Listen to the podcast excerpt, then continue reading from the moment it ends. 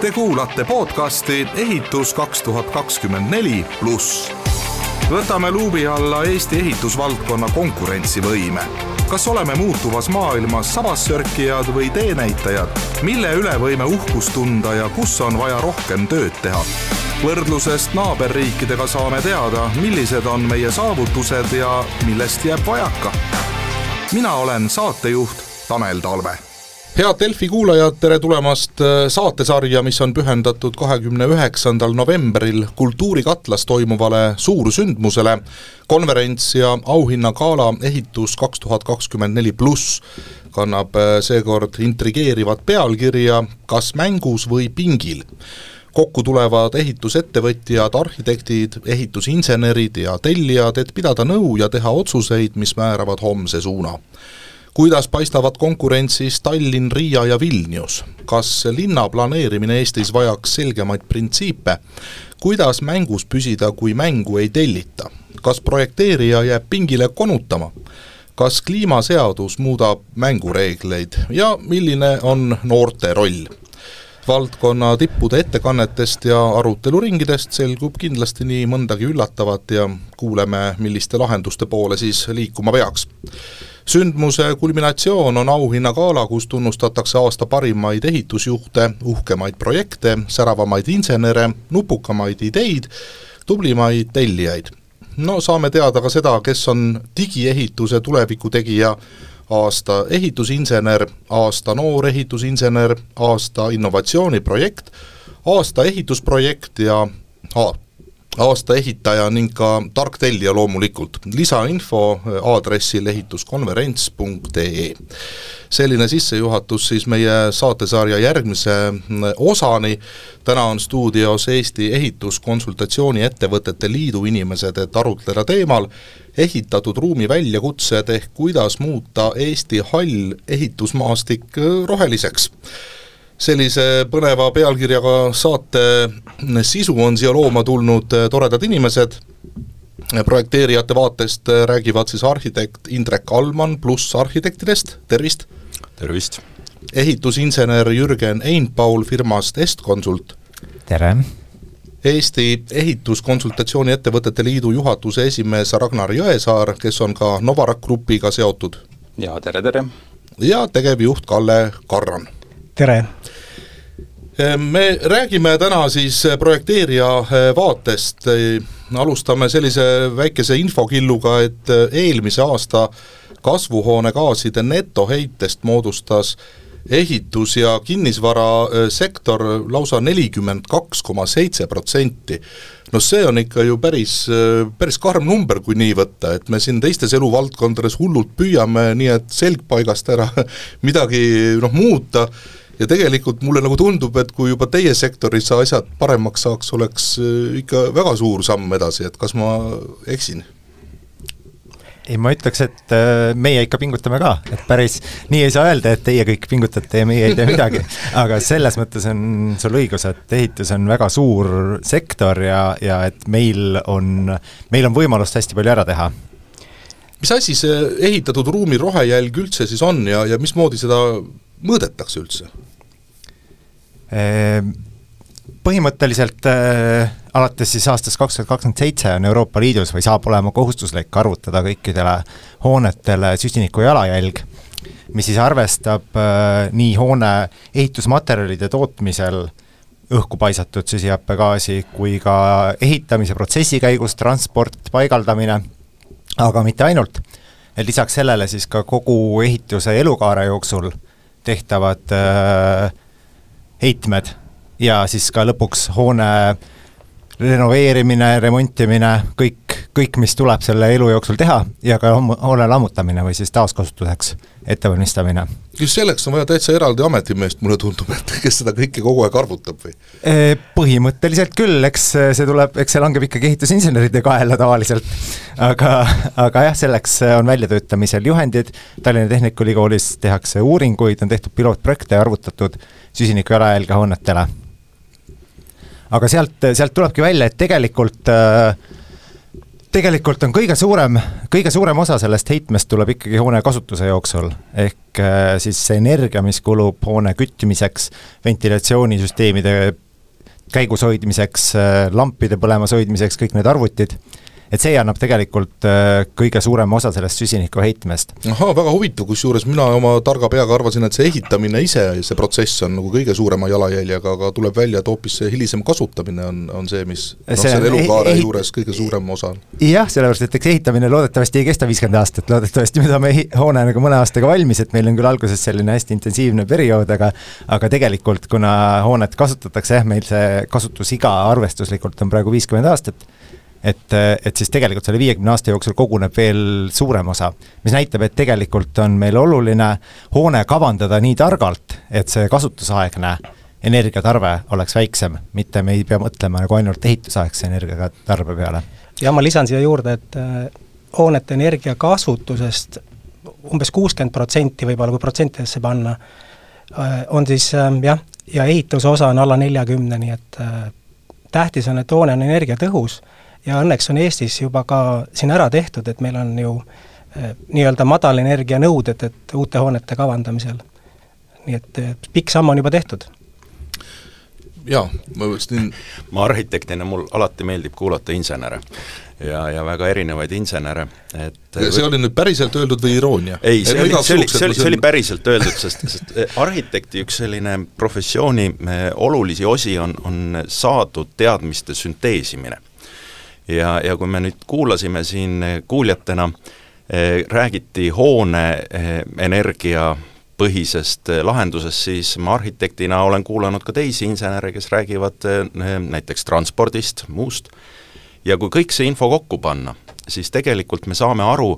et enne seda, kui me ruttame hoonete juurde ja hakkame arvutama, et kui palju ühe hoone ehitus või ühe hoone selline eh, kasutamine mõjutab keskkonda, me peame mõtlema seda, kus see hoone paikneb. ehk et me peame rääkima planeerimisest. ja võib-olla ma näen, et Eestil on kõige suurem võit saada targemast planeerimisest kogu selles kontekstis. ehk siis lihtsustatult öeldes, et äh, mets võiks olla maal ja linnas võiks olla linn et kui me räägime tiheasustusest, siis ähm, Eesti torkab silma sellega, et meie linnad on erakordselt hõredad Euroopa kontekstis vaadates. Ja äh, samas äh, äh, samas need on jätkuvalt valglinnastuvad, selline termin, mida võib-olla on siin-seal kasutatud mida see tähendab? see tähendab seda, et meie inimesed eh, kulutavad oluliselt rohkem energiat liikumisele punktist A punkti B, olgu selleks siis nagu lasteaeda, kooli, tööle, poodi, kuhu iganes minnes, me kulutame väga palju energiat. ja noh, niimoodi lihtsalt öeldes, et tegelikult ega see energia iseenesest, noh, see on ju niisugune noh, mõni arvab, et see on molekulid, eks ole, mõni arvab, et need on päkapikud, on ju, et noh, see jääb natuke abstraktseks, eks et tegelikult mina tavatsen ka öelda, et päeva lõpuks eh, meie lihtsate inimeste jaoks energia on ju raha. Eh, ja selline hajus planeering, nagu meil on linnades, suured distantsid, mida me igapäevaselt läbime, see tegelikult meie leibkondadele tähendab tohutut kulukust. ja lisaks sellele, et me saaksime vähendada oma sellist süsinikuheidet targema planeerimise läbi, me saaksime kindlasti ka taskukohasemad linnad iseendale ja seetõttu võib-olla saaksime rohkem kinos käia. jah, seda, see on väga, väga hea äh,, väga hea argument või väga tähtis on aru saada, et me ei, meil see keskkonnasäästlik ehitamine ei pea olema kallim tingimata, me saame kavalate lahendustega tegelikult äh, säästa nii keskkonda kui ka kokku hoida raha, et mulle endale meeldib tuua seda näidet, et kui kui kõik need, kõigi nende maa-aluste parklate asemel, mis on Tallinna linna ehitatud, oleks see raha pandud hoopis ühistranspordi arendamisesse, siis äh, ei oleks meil vaja autoga sõita ja nii palju kütust osta. Et äh, ja, ja samas oleks harjumuse jõud on suur, mulle tundub, et äh, nii inimestel endil kui ka siis linnaplaneerijatel, mitte ainult linna ju, me ei räägi ainult linnadest, et ikkagi noh, terve meie riik on ju, on üks suur planeeringu ma ei tea, puuduses vaevlev äh, asjandus. see on minu isiklikult äh, niimoodi eemalt vaara, vaataja pilgu järgi küll, et ma oleks, olen väga nõus sellega, et planeeringust ju kõik algabki, et, et me võime selle ühe maja teha ju hästi väikese jalajäljega küll, aga noh, mis sellest kasu on, kui kui ta asub linna servas, kust peab hakkama ikka ühistranspordi või siis autoga tööl käima. jah, no sellest me jõuamegi selleni, et see ehituses eh, või ehitus, tänu, tänu ehitussektori muutumisele keskkonna säästmine ei ole mitte ainult meie kätes, vaid on ka kõikide kasutajate kätes, kõikide inimeste tarbimisharjumuste kätes, et kas meil peab olema suvel ja talvel toal, toas täpselt ühesoe või me võiksime leppida tulevikus sellega, et me peamegi talvel panema kampsuni selga ja suvel võib-olla harjuma sellega, et on toas ka natukene soojem. Et no seda annab inimestele nüüd seletada. Et pange kõik villased sokid jalga ja aga see ei ole sellepärast, et me ei oskaks teha paremini, vaid see on sellepärast, et me teadlikult, me peame aru saama sellest, et kõik, kõik see maksab midagi ja siis eelkõige keskkonna mõttes, aga, aga ka, ka rahaliselt. ma tulen planeeringute juurde tagasi, et nagu Indrek rääkis, et kahjuks on planeeringute menetlemine omavalitsuses väga aeglane just suuremates omavalitsustes. võib-olla mõni väiksem saab paremini hakkama ja, ja siis toimubki nii-öelda see valglinnastumine, ehk eh, suurema linna, suuremas linnas eh, töötav inimene ostab omale korteri näiteks hoopis kõrvalvalda, kus ta saab nagu palju, palju kiiremini ja palju soodsamalt omale, omale elamise. ja siis ongi sealt nii-öelda see pendeldamine autoga edasi-tagasi. no aga mida siis ikkagi teha? et, et inimesed äh, ei läheks mitte äärelinna, vaid tuleksid kesklinna, no ke-, kes jaksab osta kesklinna üldse kinnisvara endale, no see no ma tahaks öelda seda, et ma arvan, et siin on meie selline äh, ütleme, Eestis on ju maad ühe inimese kohta rohkem kui keskmiselt Euroopas. Ja eks see on selline loomulik kulg, et äh, et meil sellised valikud on tehtud, et me ei taha võib-olla suruda ennast kesklinna või siis äh, kesklinna suuremaks. ja küsimus on ka elu, elukvaliteedis. et, et ma arvan, see on inimeste vaba valik ka, et, et äh, pigem, pigem mitte elada igapäevaselt kesklinnas ja kui see võimalus on, maa seda lubab ja, ja siis ma arvan, et see on niisugune loomulik käik et, et ma ei tea, nüüd me peaks vaatama arhitektide otsa, et äh, mida peaks, kas, kas me, kas arhitektid oskavad kujundada kesklinna sellise keskkonna, kus inimesed tahaks elada ja kas selle hulka kuuluvad laiad autoteed? hea küsimus, ma arvan seda, et äh, tänapäevane mm, linna planeerimine tegelikult ei põhine enam niivõrd äh, sellel nii-öelda ühel kontsentrilisel kesklinnal, vaid tegemist on siis pigem erinevate linnaliste keskustega ja, ja kindlasti selles kohas me peame võtma jälle sellise moodsa termini käibele nagu aeg-ruum ehk et siis tänapäeval normaalne inimene enam ei mõõda distantse kilomeetrites, vaid mõõdab eh, kiiruses, kui kiiresti tal õnnestub saada punktist A punkti B. ehk et tegelikult, kui me nüüd nagu vaatame seda, noh piltlikult öeldes, eks ole, eh, kui eh, noh, ükskõik, kas inimestele Rail Baltic meeldib või mitte, aga kui võib-olla selle valmimise järel saavad Ülemistest inimesed Pärnu randa neljakümne viie minutiga, siis trammiga Põhja-Tallinnasse nad sõidavad Ülemistelt jätkuvalt tund aega. ehk et noh, et kumb siis on nagu see mõistlikum koht, kuhu randa minna Ülemistel töötava inimese jaoks päeva lõpuks. Et, et see aegruumilise konteksti mõistmine, see on võib-olla midagi, mis meie linnaplaneeringus tuleb järjest rohkem ja rohkem sisse. Ja sellest tulenevalt on järgmine märksõna, mis siis on ühistranspordikeskne linna planeerimine ehk et me vaatame, kus meil on juba kas olemasolevad eh, rongi eh, või muu kiirema ühistranspordi liikumiskoridorid ja eelisarendame siis nende peatuste piirkonda jäävaid eh, linnaosi. et noh, Tallinnas on need suhteliselt selgelt täna näha ja, ja noh, loomulikult me ei saa eeldada, et siis see kuuekümnendatel valminud ühistranspordivõrgustik ongi nüüd see, kõik see parem ka tänases päevas, ehk et äh, seda me saame ka jätkuvalt arendada, olgu selleks siis loodetavasti peatselt sündiv linnarong või võib-olla natukene kaugemas tulevikus paistev metroo Tallinnas, siis need mõlemad variandid kindlasti aitaksid meil ümber mõtestada oma linna sootuks teistsuguseks ja tuua need inimesed autost välja, õigemini mitte tuua inimesed autost välja, vaid inimesed tulevad ise oma autodest välja ja, ja nad pääsevad kiiremini ja hõlpsamalt liikuma. Ja muuhulgas, kui keegi tahab elada maal, siis see on hästi tore, ega maa ei tohi tühjaks jääda, aga ja, me peame arvestama see on väga hea sõnakõlks alati kõikidel, et Just. maa ei tohi tühjaks jääda, aga mida me siis oleme teinud selleks, et seal maal oleks ka need avalikud teenused kättesaadavad, seesama ühistransport, pagan, võtaks elektrigi et ei oleks sõna otseses mõttes vahelduv vool vaid et ikkagi oleks teda nagu stabiilselt inimestel võimalik tarbida. et no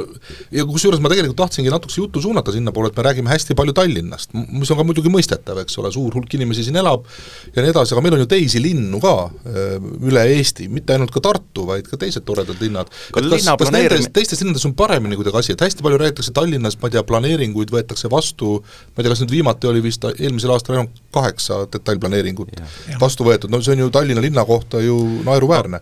Mujal on parem siis olukord või, või on veel hullem, et seal ei tehta üldse planeeringuid? ega linna planeerimine selles mõttes on universaalne, et vahet ei ole, kas me vaatame Viljandit, vaatame me Tartut, vaatame me Tallinnat, need printsiibid, millest me täna siin oleme rääkinud, kehtivad neis kõigis, täpselt samamoodi valglinnastub Tartu, täpselt samamoodi on valglinnastunud Viljandi, tänu millele keskus on olnud väga pikka aega surnud, et äh, selles mõttes need printsiibid on, küll on vahe omavalitsuste haldussuutlikkuses, seda ma olen küll näinud. kui ikkagi Paldiski piirkonnas saab detailplaneeringu menetletud seaduses ette nähtud aja jooksul, siis Tallinnas no aga milles see põhjus on, meil on ühes saates siin käinud Eesti Arhitektide Liidu president, kes ütles, et noh, kuidas ma siis niimoodi lühidalt ütlen, et ei ole sellist pealikku kes, kes vastutaks üldse pika nägemuse tekkimise ja siis hiljem ka selle elluviimise eest, et see vastutus on väga hajunud ja seetõttu kuidagi ongi kõik selline noh, üks lükkab ühe kaela, teine teise kaela, ma ei tea, kuidas teie näete, me Tallinna linna arhitekt kui selline vist ju ka kaotati ära, et oli see õige otsus, vale otsus, pole vahet eks see kindlasti ole üks põhjustest, eh, miks Tallinnas linnaplaneerimine lonkab. ehk et eh, tõesti, seda ühte inimest, kellele otsa vaadata, kellega sõlmida selge kokkulepe ühes või teises linnaruumilises küsimuses, eh, seda isikut ei ole, et on väga palju erinevaid ameteid, kelle omavahelised arvamused isegi teinekord ei kattu mitte kuidagi. Mm, aga ma ei pea seda nagu ainsaks põhjuseks. Võib-olla see suurem põhjus on ka see, et me ei ole ka poliitiliselt tasandilt ära otsustanud, mida me tahame teha. paremal juhul kõlavad loosungid, me räägime viieteist minuti linnast, me räägime ühest, teisest, kolmandast, me räägime tänavadisainist, see kõik on vahva, aga see ei lahenda probleemi et on puudu sedalaadi konkreetsed poliitilised otsused, nagu Helsingi tegi viisteist aastat tagasi, kui otsustati linna tihendada, mida on asutud radikaalselt tegema, kes eh, ei ole mm, võib-olla viis või kuus aastat Helsingis käinud, ma väga soovitan, võtta sealne metroo ja, ja minna näiteks Kalaranna peatuses välja, vaadata, mis seal ümberringi on toimunud. Eh, see on radikaalne muutus linnas et eh, Tallinn on ammu küps, et astuda selline faas kaks, samamoodi on küps Tartu, et astuda see faas kaks või on küps Viljandi. et äh, aga neid otsuseid saab teha poliitiline tasand koostöös siis peaarhitektiga, kes oleks poliitikule parim nõuandja. kelle käes Eestis siis ongi ikkagi selle ehitussektori roheliseks äh, muutumisel, ma ei tea, võtmeroll, kui nii võib öelda, ma saan aru, et osapooli on ju hästi palju, aga on, on, on nagu sellised eriti tähtsad osad selles äh, pusles? noh, ma arvan, et vabandust, et tellijate käes on tegelikult äh, see võtmeroll, et tellija peab aru saama, mida ta tahab kuhu üldse võiks ehitada, milline on selle hoone energia tarbimine ja, ja võib-olla võtma nagu rohkem aega selle kavandamise peale, et täna on pigem, tehakse kiirustatult otsuseid, no mis on vahel ka mõistetav, eks ju, et kui sa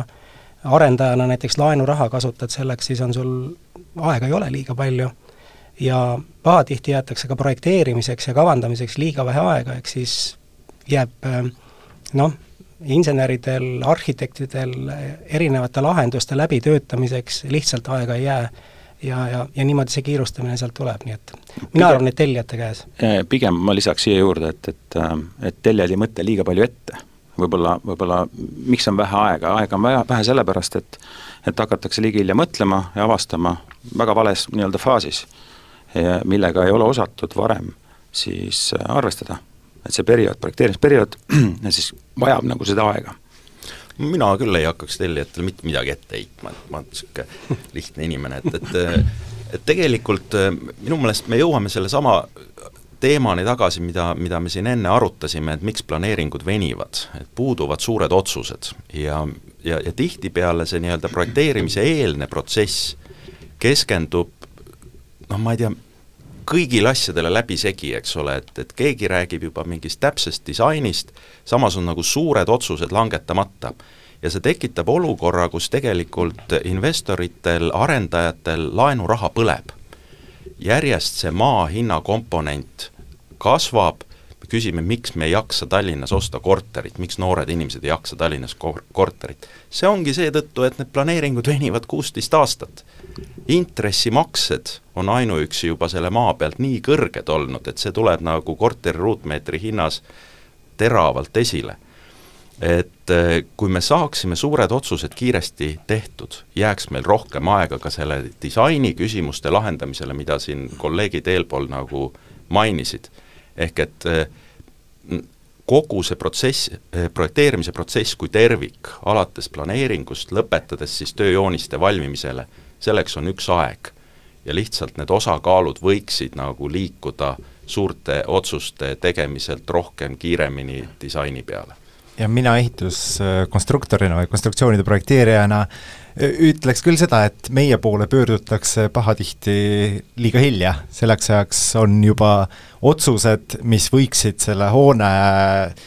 siis keskkonna jalajälge mõjutada, on juba ära tehtud. et äh, üks, üks näide, et ma tegelen praegu Kullo uue hoone projekteerimisega ja seal on tegelikult vana hoone olemas, mis on küll täielikult amortiseerinud, on vaja asendada, aga selle ma-, maja all on vaiad, mis töötaksid sama hästi edasi ka praegu ka uue maja all. sellepärast, et see hoone on nagu geoloogiliselt hästi kehvas kohas, seal on kakskümmend meetrit muda maja all, et maapind on hästi pehme, vaiad on hästi pikad, aga uus maja on planeeritud poolteist meetrit vana maja kõrvale.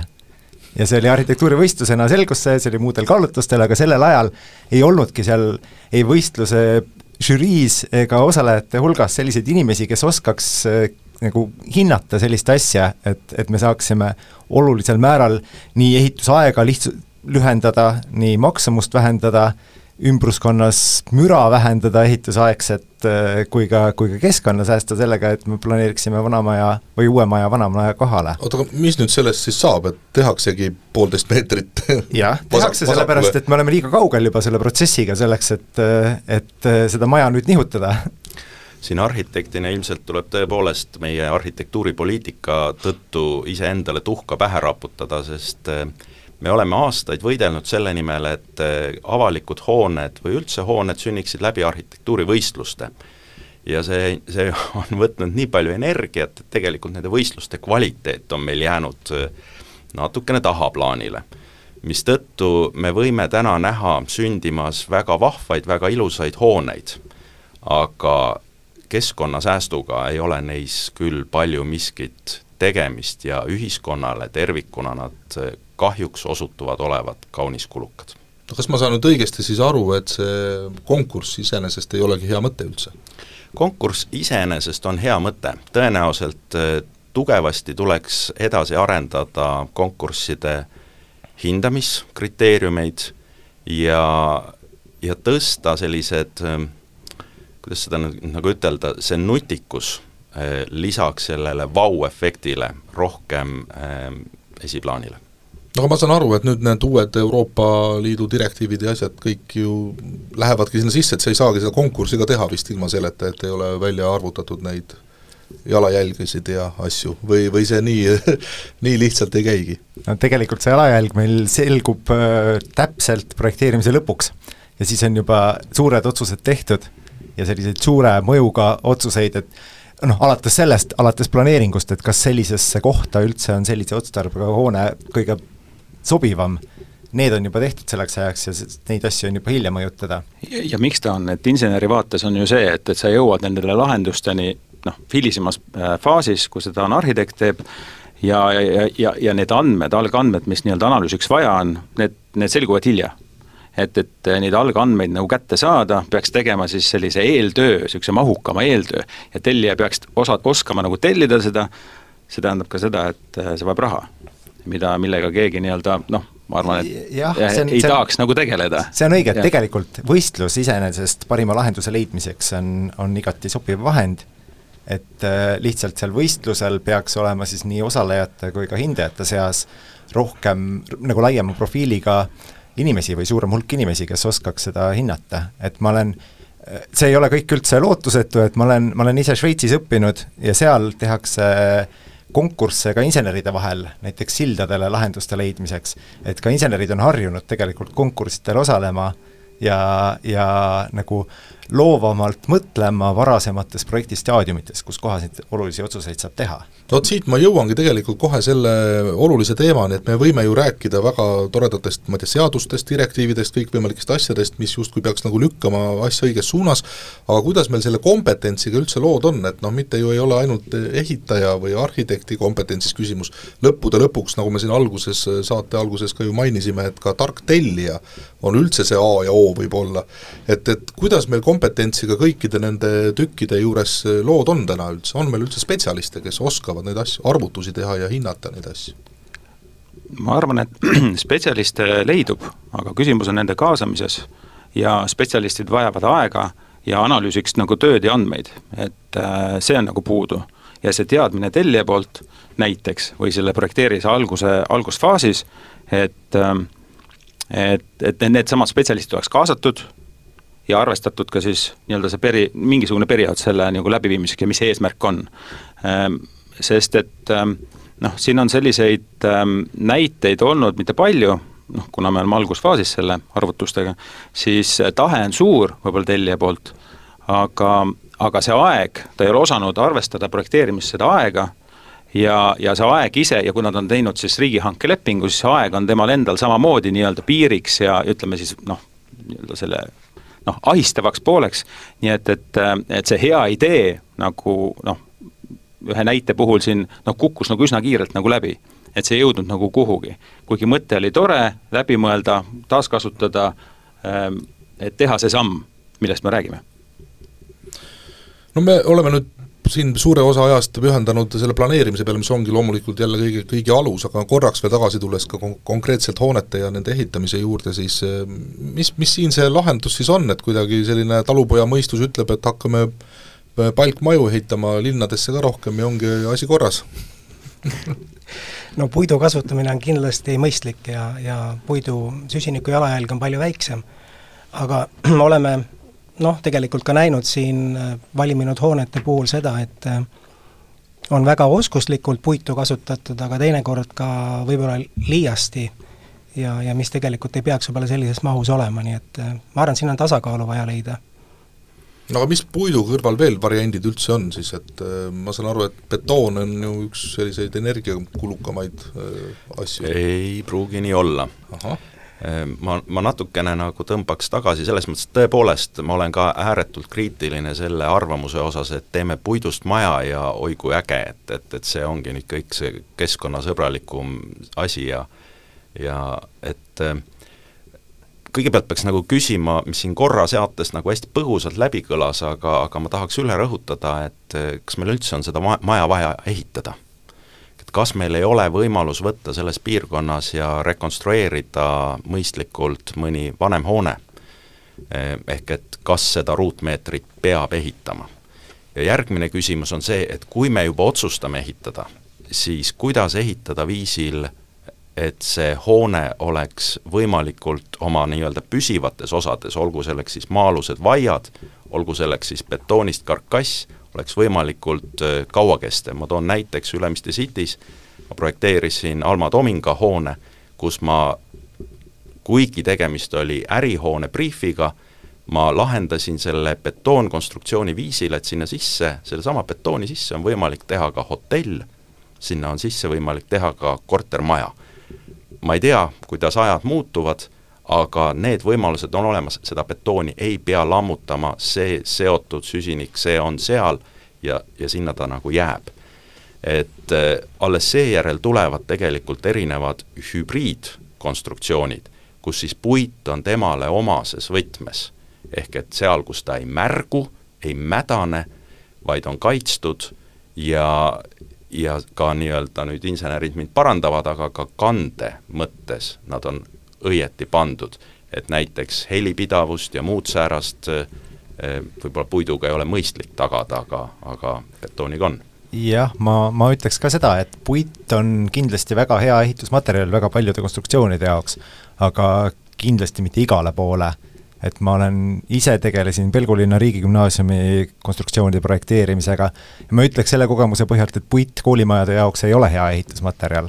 sellepärast just samad helipidavuse probleemid ja ka klassiruumi suurus on natukene liiga suur selleks, et puitu seal efektiivselt kasutada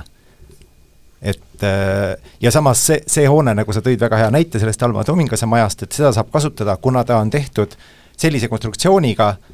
saab seda kasutada mitmeks otstarbeks, aga kui me teeme puidust koolimaja, kus kõik seinad on kandvad, siis see tähendab, et me ei saa seal enam ruume hiljem ühendada või väiksemateks jagada või see kasutuspaindlikkus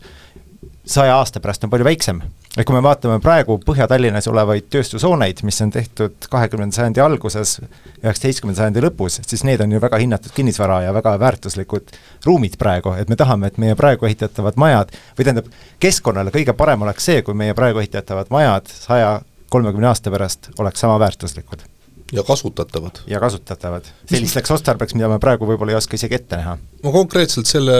Ülemiste maja suhtes siis, et kas, kuidas see siis sündis, et kas see oli tark tellija seal taga või äh, oli tark arhitekt, kes suutis oma mõtte maha müüa tellijale? noh, ma arvan, et eks seal oli mõlemat. et äh, tark tellija suutis usaldada arhitekti ja, ja kogu selle hoone eskiisi koostamise käigus sai välja pakutud nii mõnigi lahendus, mis on võib-olla innovatiivsem, kui siiamaale me oleme harjunud, ja Telia suutis sellega kaasa tulla, au ja kiitus. kas on Eestis veel äh, selliseid äh, häid näiteid äh, nii, ma ei tea, ruumi planeerimise osas kui ka siis hoonete konkreetselt osas, mida võiks eeskujuks tuua peale nüüd selle ühe hoone millest on juttu olnud? Mõtlik vaikus tekkis stuudios see vist ongi vastus või? ei no sellega on alati see, et noh kõik on halvasti. kui ühe nimetad, ei ole, et kui sa ühe nimetad, siis tundub, et see mingi etalon, eks. et noh, on häid hooneid ja, ja ma arvan, et noh, meie oma liiduga igal aastal teeme aasta ehitusprojekti konkurssi, kus me hindame siis seda projekteerimisprotsessi ja neid hooneid ka ja seal on palju erinevaid kriteeriume, alates arhitektuurist, aga aga edasi kõik see innovatsioon seal sees, projekteerimise protsess ja, ja tellija ja, ja ehitaja rahulolu, ja sellel aastal näiteks on meil konkursil üheksa hoonet, äh, nendest viis või kolm, kes nominentide hulka jõudsid, on, on väga tugevad hooned, nii et äh, ja seal on kasutatud nii puitu kui betooni, samamoodi on arhitekti usaldatud, tellija on tark olnud, nii et et ma arvan, et neid äh, konkursi tulemused me kuulutame välja kahekümne üheksandal samal konverentsil ja galal, nii et, et seal on võimalik näha neid, neid nii-öelda eeskujulikke hooneid, mis valmivad no arusaadavalt, eks see projekteerimine on ju selline asi, mis panebki ju aluse eh, kõigele sellele heale ehitustavale ja ka ruumiloomele ja nii edasi, et eh, meil käis läbi see mõte, et ei, ei ole antud aega piisavalt projekteerimisele, et äh, mida ikkagi selleks siis teha, noh nüüd ma saan aru, et muutub äh, see jalajälje arvutamine ka kohustuslikuks, see ju veel pikendab kogu seda protsessi või, või takistab veel rohkem seda projekteerimisele antavat äh, aega? ma võib-olla lihtsustatult ütlen niimoodi, et et tellija jaoks, tellija ei telli ju projekteerimist. tellija tellib hoonet ja, ja kõige suurem raha, mis sinna läheb, on ju selle hoone ehitamiseks. ja võib-olla seetõttu ei pöörata liiga palju tähelepanu sellele es-, esimesele osale, eks ju, et kõigepealt ma mõtlen läbi, mida ma tahan äh,, palkan endale mõne konsultandi, kes, kes annab mulle nõu, siis ma teen põhjaliku lähteülesande. mida ma annan siis projekteerijale, arhitektile, mille põhjal hakatakse projekteerima alles ja, ja see võtab kõik aega, nii et äh, see on nagu see esimene etapp, projekteerimise eelne etapp, kuhu tuleb aega võtta. ja nüüd projekteerimine, eks ju, et, et äh, sa alustad projekteerimist, sa detailiseerid äh, kogu aeg edasi, kuni sa saad lõpuks need tööprojekti valmis, loomulikult, kui nüüd tuleb ka süsiniku jalajälje arvutamise nõue, siis seda ei saa kohe alguses teha, sest puudub ju, sa ei tea ju materjalide koguseidki, millised materjalid sul on, milline see hoone täpselt tuleb, et seda sa saad teha seal kusagil teises kolmandikus alles või päris lõpus, nii et jällegi tuleb aega rohkem anda. ja, ja, ja ma julgustan küll tellijaid, et kui sinna algusesse veidi rohkem aega anda, siis see ehitus läheb ka palju lihtsamalt, sa ei pea midagi ümber projekteerima. siis sa ei ehita maja poolteist meetrit vasakule. just, ehk siis see asi läheb kiiremini lõpuks ja, ja, ja kõik see noh, haldus ka pärast on, on kindlasti odavam. ega see jalajälje arvutamine ei ole, ei ole mingisugune selline ime, et, et tänu sellele me teeme kõike palju paremini, aga ma ütleks, et see on, see on lisainformatsioon, mida me saamegi võib-olla tagantjärele, aga ma ütleks, et tagantjärgi tarkus on ka tarkus ja me saame seda edaspidi ära kasutada ja tulevikuks õppida. Ja mis ma tahtsin lisada Kallel, Kallele vahele, et see oli väga hea märkus, et et miks seda aega on vaja, et pigem on või, või, või kaasata seda omale erialaspetsialisti, kes aitaks nagu tellijal selle tema vajaduse või mõtte tegelikult panna sinna keelde. Et äh, see jääb nagu, võib-olla sinna on nagu rohkem seda aega vaja tellijal endal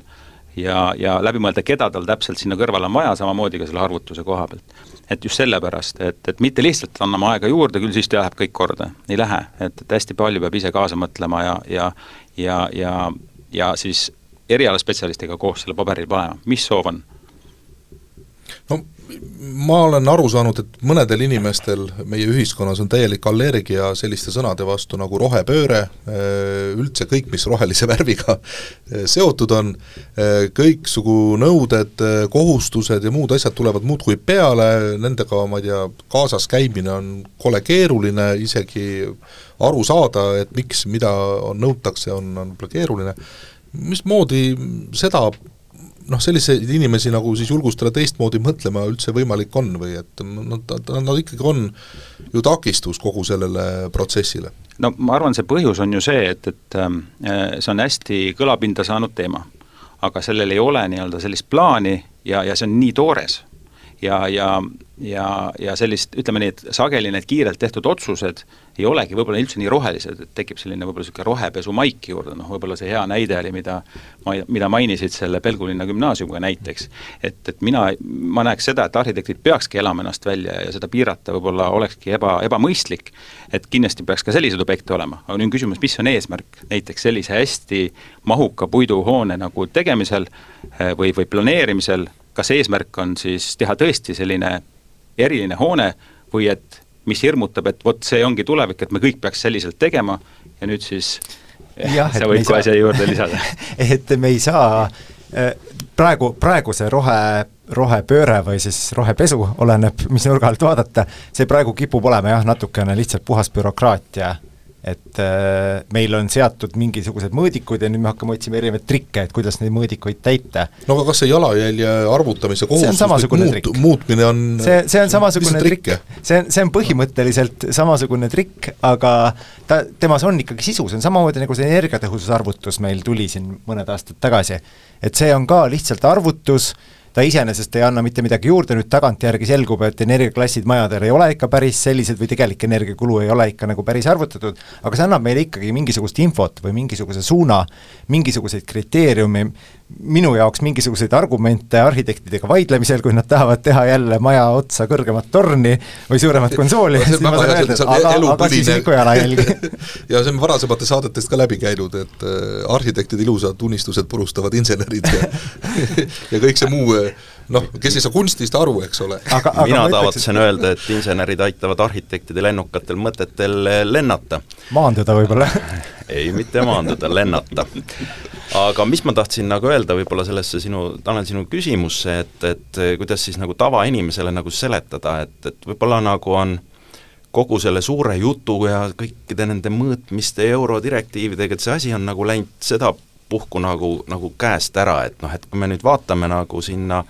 sinna sisse, mis tegelikult see nagu rohepööre on, siis tead, see ei ole ju mitte midagi muud, kui meie esiisad on nagu aastasadu nagu teinud, et noh, et noh, kõik nad oskasid ju kompostida, oskasid, eks ole. kõik nad nagu teadsid, kui kaugele hobusega jõuab, teadsid. kui teadsid, et on vaja kiiremini liikuda, läksid rongi peale, läksid. noh, kui oli vaja mere ääres kartulipõldu teha, siis ikka sinna, kuhu randa nagu merimuda tõi, sest seda oli hea tõsta ja adrut tõsta siis nagu kaldale ja seal kasvas kartul. ehk et tegelikult tehti asju mõistuslikult ja, ja just täpselt see on ka ideaalis selle rohepöörde mõte, tuleme nende hästi unustatud vanade printsiipide juurde tagasi, nii nagu Jürgen enne ütles, et kui külm on, pane kampsun selga.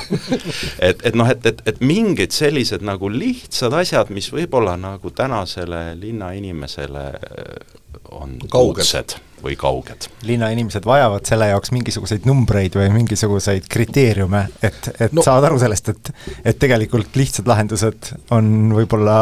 kõige mõistlikumad. ma ei tea, võib-olla aitab ka see, kui me natukese rohkem räägime selle, noh mitte, ma ei tea, hoone jalajälg ja, ja noh, sellised tehnilised asjad, vaid et